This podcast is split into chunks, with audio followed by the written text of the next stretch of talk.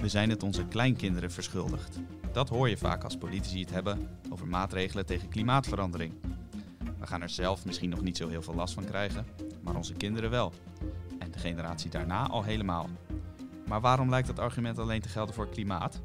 Duurzaamheid gaat over veel meer dan alleen over klimaatverandering, zegt Arendo Joustra. We gaan het bespreken in deze nieuwe aflevering van de podcast Non Solus, waarin we wekelijks met onze hoofdredacteur praten over wat hem bezighoudt of is opgevallen. Mijn naam is Matthijs van Schie.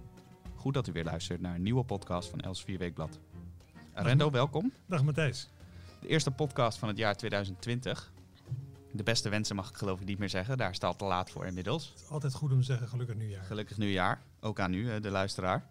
In deze eerste podcast gaan we het hebben over het thema, of de thema's die het afgelopen jaar hebben gedomineerd en waarschijnlijk het komende jaar ook weer. En dan gaat het in eerste instantie natuurlijk over duurzaamheid. Het is een, eh, een codewoord, wat vooral wordt gebruikt als we het over klimaat hebben. Maar dat woord zouden we eigenlijk op wel meer onderwerpen kunnen laten slaan. Ja, dat zeg je goed, want uh, als het over klimaat gaat, gaat het altijd ook over de kleinkinderen. En dat is ook logisch, want als, in, als de aarde opwarmt en we krijgen er last van, dan zullen wij dat nog wel overleven. Maar de kinderen en de kleinkinderen, die zullen daar in versterkte mate mee te maken krijgen. Als je denkt aan de zeespiegel bijvoorbeeld, maar ook aan verdorring en verdroging. Nogmaals, het moet allemaal uh, nog gebeuren, maar het gaat om de kleinkinderen. Het gekke is dat dat woord eigenlijk alleen maar wordt gebruikt uh, als het gaat om, om inderdaad de, de natuur, de opwarming, het, klimaat.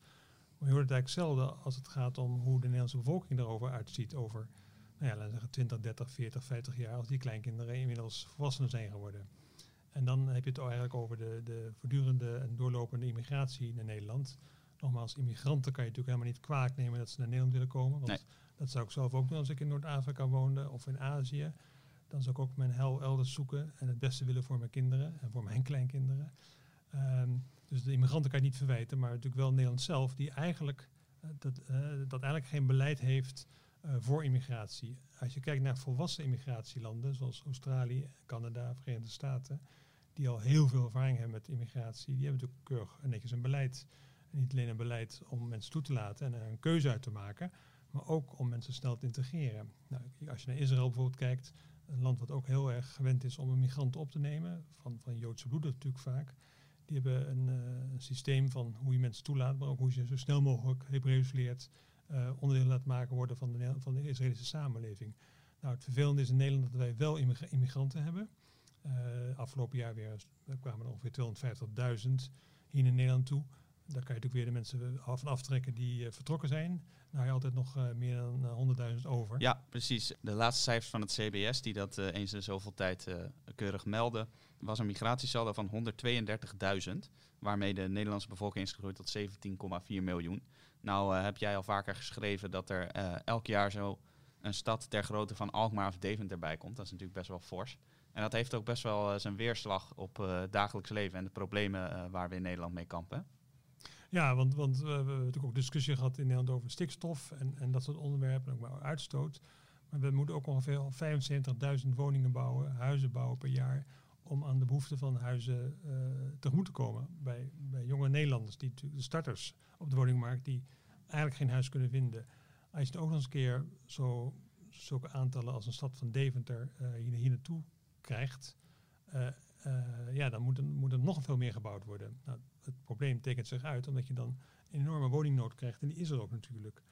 Dus, uh, je ja, dat moet dan weer gebouwd worden op plekken waar bijvoorbeeld uh, de natuur dan weer uh, voor moet wijken. We hebben natuurlijk af, afgelopen jaar gezien uh, dat de woningbouw een tijd stop, stop lag vanwege de stikstof. En nou ja, dat, dat, nogmaals, dat weten we allemaal. Maar tegelijkertijd doen we het net of de immigratie een soort, soort natuurramp is. Of geen ramp eigenlijk, maar een soort iets wat in de natuur zit wat je eigenlijk niet tegen kan houden. Een natuurwet. Ja. Een natuurwet. Uh, dus je, de, en het is helaas deels ook waar, omdat, uh, om een paar redenen. In eerste plaats hebben we natuurlijk in Europa afgesproken een vrij verkeer van, van personen. Dus een Pool met werk mag ze gewoon hier in Nederland vestigen. Ja, het Schengen-verdrag uh, van de, de het, vrije ver, het vrije verkeer van personen. Ja, dat is nog het vrije verkeer dat je zonder paspoort mag reizen. Maar, maar ook een Bulgaar, ik, ik denk dat Bulgarije niet in Schengen zit, maar die mag zich ook hier vestigen. Uh, als die, als die, uh, als die hier kan werken. En de minister De, de Jonge van voor Gezondheid maakte zich ook afgelopen week een keer in een interview uh, boos of zorgen dat dat een derde van de Bulgaren vertrekken uit, uit Bulgarije en die strijken dan neer in, in, in, in Rotterdam. En volgens of dat nou wel zo handig is. En dat is eigenlijk precies het punt waar, wat, we, wat we willen behandelen hier. Ja, want uh, dat is goed dat je dat aansnijdt. Hugo de Jonge, de vicepremier van het CDA, minister van Volksgezondheid, die uh, werd uh, geïnterviewd in NRC. En daarin pakte hij eigenlijk nadrukkelijk het thema immigratie erbij. Hij vindt dat Nederland geen 80.000 migranten kan opnemen. Nou bleek dat nog een, een, lagere schatting dan het daadwerkelijke cijfer. Maar jij schreef op onze website dat het eindelijk zover was dat een Nederlandse minister over immigratie praat. Vond jij wel dat Hugo de Jonge daar concreet genoeg in was? Nou ja, hij krijgt credits omdat hij natuurlijk het, het, het, het onderwerp noemde. En en als, als je even zijn, zijn telling gaat volgen en zegt, ja, 10.000 immigranten betekent na 40 jaar, als je de kinderen meetelt, een, een, een, een nieuwe groep Nederlanders van 600.000. Dat is natuurlijk een enorm aantal. Ja. En dan komen niet 10.000, maar, maar, maar uh, uh, 80.000 ook voor hemzelf komen dan binnen, volgens zijn berekening. Dat betekent over 40 jaar dat, dat de bevolking met een kleine 5 miljoen uh, stijgt. Nou ja, als je dat als minister zegt en, je, en, en, een staatsman is altijd iemand die de vragen van morgen beantwoordt en niet de vragen van vandaag, dan vraag je ook aan zo'n minister, zo'n minister, als je dat dan volgens constateert, hoe ga je dat dan voorkomen? En dat wordt het, wordt het lastig, want uh, hè, dus nogmaals, dat is vrij verkeer in, in, Europa en dat wil hij wel aanpakken, maar dat moet je dan ook op Europees niveau doen. Dat moet je dan straks als, uh, als Verenigd Koninkrijk uit de Europese Unie is, moet je dat met 26 eh, andere landen moet, je, moet je dat afstemmen. Dat is nog een moeilijke vraag, want vrij verkeer van personen, maar je hebt ook vrij verkeer kapitaal. En Nederland is altijd heel erg handig en snel om te investeren in andere landen. Dus als het vrij verkeer van personen ter discussie wordt gesteld, dan zullen andere landen misschien ook wat vrij verkeer van kapitaal ter discussie stellen. Dat is één probleem. Tweede heb je natuurlijk dat, dat, uh, dat er natuurlijk veel arbeidsmigranten bij zitten, bij die uh, aantallen die, die je net noemde. Ja, en, die uh, zijn nodig voor bedrijven om hier bedrijven te laten draaien. En, en, en, dat is, en die kunnen ook niet zonder die arbeidskracht. Daar kan je wel een ander verhaal bij houden. Maar, en dan heb je nog de derde groep en dat zijn, zijn de vluchtelingen. Nou, en vluchtelingen, die, de, daar moet je wel uh, niet iedereen opnemen. Maar je moet ook wel een bepaalde vluchtelingen moet je toe kunnen laten. Omdat je natuurlijk ook je, je, je, je bijdrage moet leveren natuurlijk. Uh, ook Nederlanders zijn vluchtelingen geweest ooit in de geschiedenis. En die werden ook opgevangen.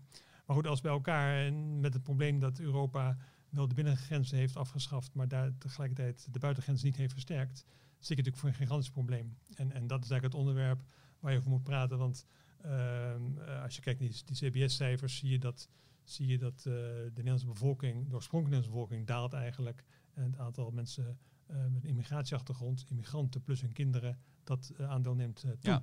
Wordt natuurlijk ook vaak gesproken over vergrijzing. Dat het geboortecijfer in Nederland al enige tijd daalt. En dat daarom ook immigranten nodig zouden zijn om de, de tekorten van de natuurlijke aanwas aan te vullen. Ben jij overtuigd door dat argument? Nee, want dan ga je een soort piramidespel bouwen. Omdat je natuurlijk ook die immigranten worden weer ouder. En die hebben ook weer, weer ondersteuning nodig. En dan, ja, dan heb je nog meer mensen nodig, immigranten nodig. En dan, nou, er zijn wel berekeningen geweest dat je dan binnenkort keren bij de, met de 40 miljoen Nederlanders zit om al die vergrijzing op te vangen. Nee, dus de oplossing is niet steeds maar goedkope arbeidskrachten uit het buitenland halen, want dat maakt ook de werkgevers lui. Uh, en werkgevers zowel in het particuliere bedrijfsleven als, als ook in, bij de overheid. De, de oude, oude oplossing als arbeid te duur is of uh, arbeid, uh, als er gebrek aan arbeid is, is altijd investeren in, in, in, in machines. Ja. En dus innovatie. Dat zie je ook als een land bij Japan. Japan is het land met de meeste robots en uh, geavanceerde apparatuur. En dat komt omdat die natuurlijk al veel langer, het, dat land al veel langer kampt met uh, vergrijzing. En ze hebben veel taken die vroeger door handen werden gedaan, hebben ze laten, worden nu gedaan door robots. Laat ook weinig uh, immigranten toe in Japan. Nou is dat natuurlijk als, als eiland, wat Japan is, misschien iets makkelijker. Nee, maar dus, dus, hebben, en ze, dus, dus, ze hebben niet gekozen voor immigratie, maar ze hebben gekozen voor innovatie. En dat zou Nederland ook moeten doen. Dus niet altijd maar weer goedkope arbeidskrachten uit het buitenland halen, want dat maakt lui. Uh, en lost uiteindelijk niks op. Uh, het punt van de, van de zorg, handjes aan het bed, uh, gebeurt niet. want dan heb je later ook voor die oud geworden handjes ook weer ja. mensen nodig. Dus je moet het echt gaan zoeken in, in, in, in, in, in machines, robots die, die mensen vervangen. En er wordt, wordt altijd gezegd, ja dat kan niet, want hand aan het bed kan je niet vervangen door machines. Maar dat is een kwestie van, we hebben nu allerlei machines waarvan we nooit dachten dat die ooit machines zouden zijn, dat we altijd dachten dat dat door handen uh, moest gebeuren. Uh, beroemd voorbeeld is altijd de, de, de, de cartoonindustrie in Amerika. de, de, plantagehouders zeiden, we hebben slaven nodig, anders kunnen we de katoen niet oogsten. Ja. Maar toen de slavernij werd, werd, afgeschaft, was binnen de kortste keren waar de katoenplukmachines uitgevonden. Ja, de cotton gin. En kon het heel makkelijk zonder, zonder, zonder handen. Dus dat is een kwestie van uitvindingen doen en innoveren. Maar die, die doe je niet, die uitvindingen maak je niet, die doe je niet. En investeer je ook niet in als je, als je uh, volgens nog die arbeid gewoon kan uh, importeren en, be en betaalbaar houden omdat het goedkoop uit het buitenland komt. Ja, lage lonen bijvoorbeeld aan Bulgaren die je al noemde, Polen, waardoor ook die landen leeglopen. Dat was volgens minister De Jong ook een, een ongewenste ontwikkeling. Nou, het, heb jij het vooral gehad over de economische kant van migratie. Maar er is natuurlijk een culturele kant en dat is misschien een belangrijke reden ook waarom het immigratiedebat zo gevoelig is geworden. Want Um, jij zegt eindelijk is er nu een Nederlandse minister die erover begint, maar natuurlijk al decennia lang begon met Pim Fortuyn. Maar uh, natuurlijk Geert Wilders en uh, de laatste jaren Jerry Baudet, die hadden het daar ook over, die, die immigratie. Maar dat is toch een, een heel heikel thema geworden door het ook nadrukkelijk te koppelen aan cultuur. Snap jij dat dat voor veel mensen zo, zo lastig is om het over immigratie te hebben als je tegelijkertijd liever het, het debat over uh, cultuur en religie uit de weg gaat? Zelf heb ik, ben ik altijd overtuiging gehad dat uh, immigranten uiteindelijk de cultuur aannemen van het land waar ze komen. Dat is misschien iets optimistisch gedacht, maar dat zie je natuurlijk wel in de loop der geschiedenis. Even van een heel afstand bekeken, immigratie schuurt altijd. Het is vervelend, psychologisch vervelend voor de, voor de immigrant, die zich los moet rukken uit zijn eigen omgeving, van zijn eigen familie, van zijn eigen vrienden, mhm. van zijn eigen dorp, stad. En uh, naar een ver land moet gaan waarin hij de cultuur ook niet kent. En, en, en zich ook maar een plaatsje moet zien te vinden. wat altijd lastig is voor de immigrant. En tegelijkertijd is het voor het ontvangende land en de mensen die daar wonen ook lastig om opeens een buurman te krijgen met, nou ja, heel banaal te zeggen, andere eetgewoonten, andere religie. Ja. En dat, per definitie schuurt het altijd. Maar meestal als mensen gaan werken, uh, leren ze de taal en, en, en, leren zich in te passen. Ook omdat ze weten dat ze de rest van hun leven in dat land moeten wonen. Dat is de klassieke manier waarop het ging met immigratie. Kijk naar Canada, Amerika, maar ook Nederlanders misschien in de tweede generatie misschien nog een beetje Nederlands spraken, maar de derde generatie was het voorbij. In de huidige globale wereld, mondiale wereld, is het wat lastiger of wat moeilijker eigenlijk om, om zo te denken omdat mensen heel makkelijk nog contact houden met thuis. Vroeger schreef je nog één brief en nog een tweede brief en dan was het. Je ging nooit meer terug. En nu is het natuurlijk met, met goedkope vliegtarieven is het veel makkelijker om contact te houden met, met je moederland. Ja, mensen hoeven ook geen uh, kranten bijvoorbeeld meer te lezen, want ze kunnen op internet alles uit hun thuisland uh, blijven volgen. Plus televisie. Dus dus de, de breuk met het moederland is, is wat minder definitief, maar dat maakt het ook weer moeilijker om onderdeel te worden van je, van je nieuwe vaderland, van je nieuwe moederland. Dus dat, dat is wel een gecompliceerde factor. Maar goed, je ziet heel veel succesverhalen ook in Nederland van immigranten, ook uit het verleden. Uh, maar tegelijkertijd uh, zou je kunnen zeggen dat uh, bij deze aantallen wordt het wel erg, leg, leg je een erg grote druk op het land. Um, een klein aantal zijn misschien in te passen, een groot aantal wordt het gewoon moeilijker. Tegelijkertijd heeft Nederland al een enorme druk op zijn infrastructuur, ja. een enorme druk op, op wegennet, treinen, enorme druk op het onderwijs. het onderwijs wordt niet makkelijker als je leerlingen hebt uit een andere cultuur met, met een andere taal. Dat legt een grote druk op, op, uh, op kleuterlijsters en, en, en docenten. Idem dito eigenlijk dat we gezondheidszorg, uh, die lastig wordt door de taalproblemen. Ook een, soms een groter beroep op, op de gezondheidszorg, ook door de ongezonde leefstijl. Dus, en dan hebben we ook de woningbouw nog, die hebben we al genoemd eigenlijk.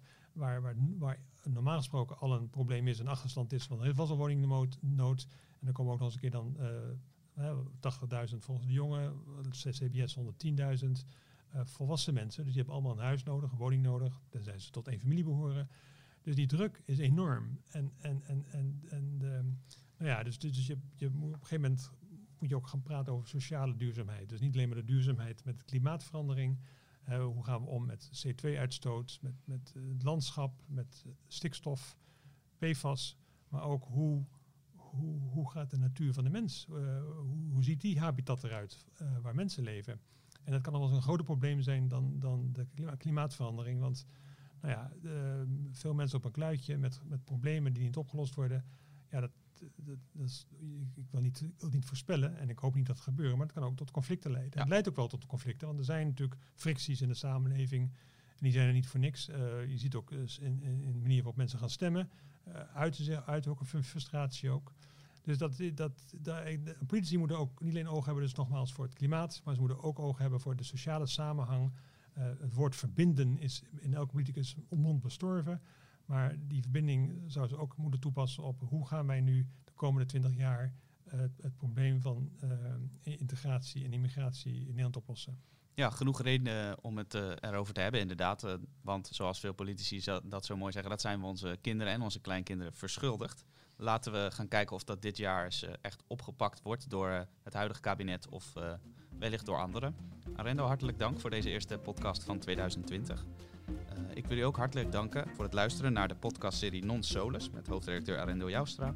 Wilt u zich nou abonneren op deze podcast of op onze andere podcastseries?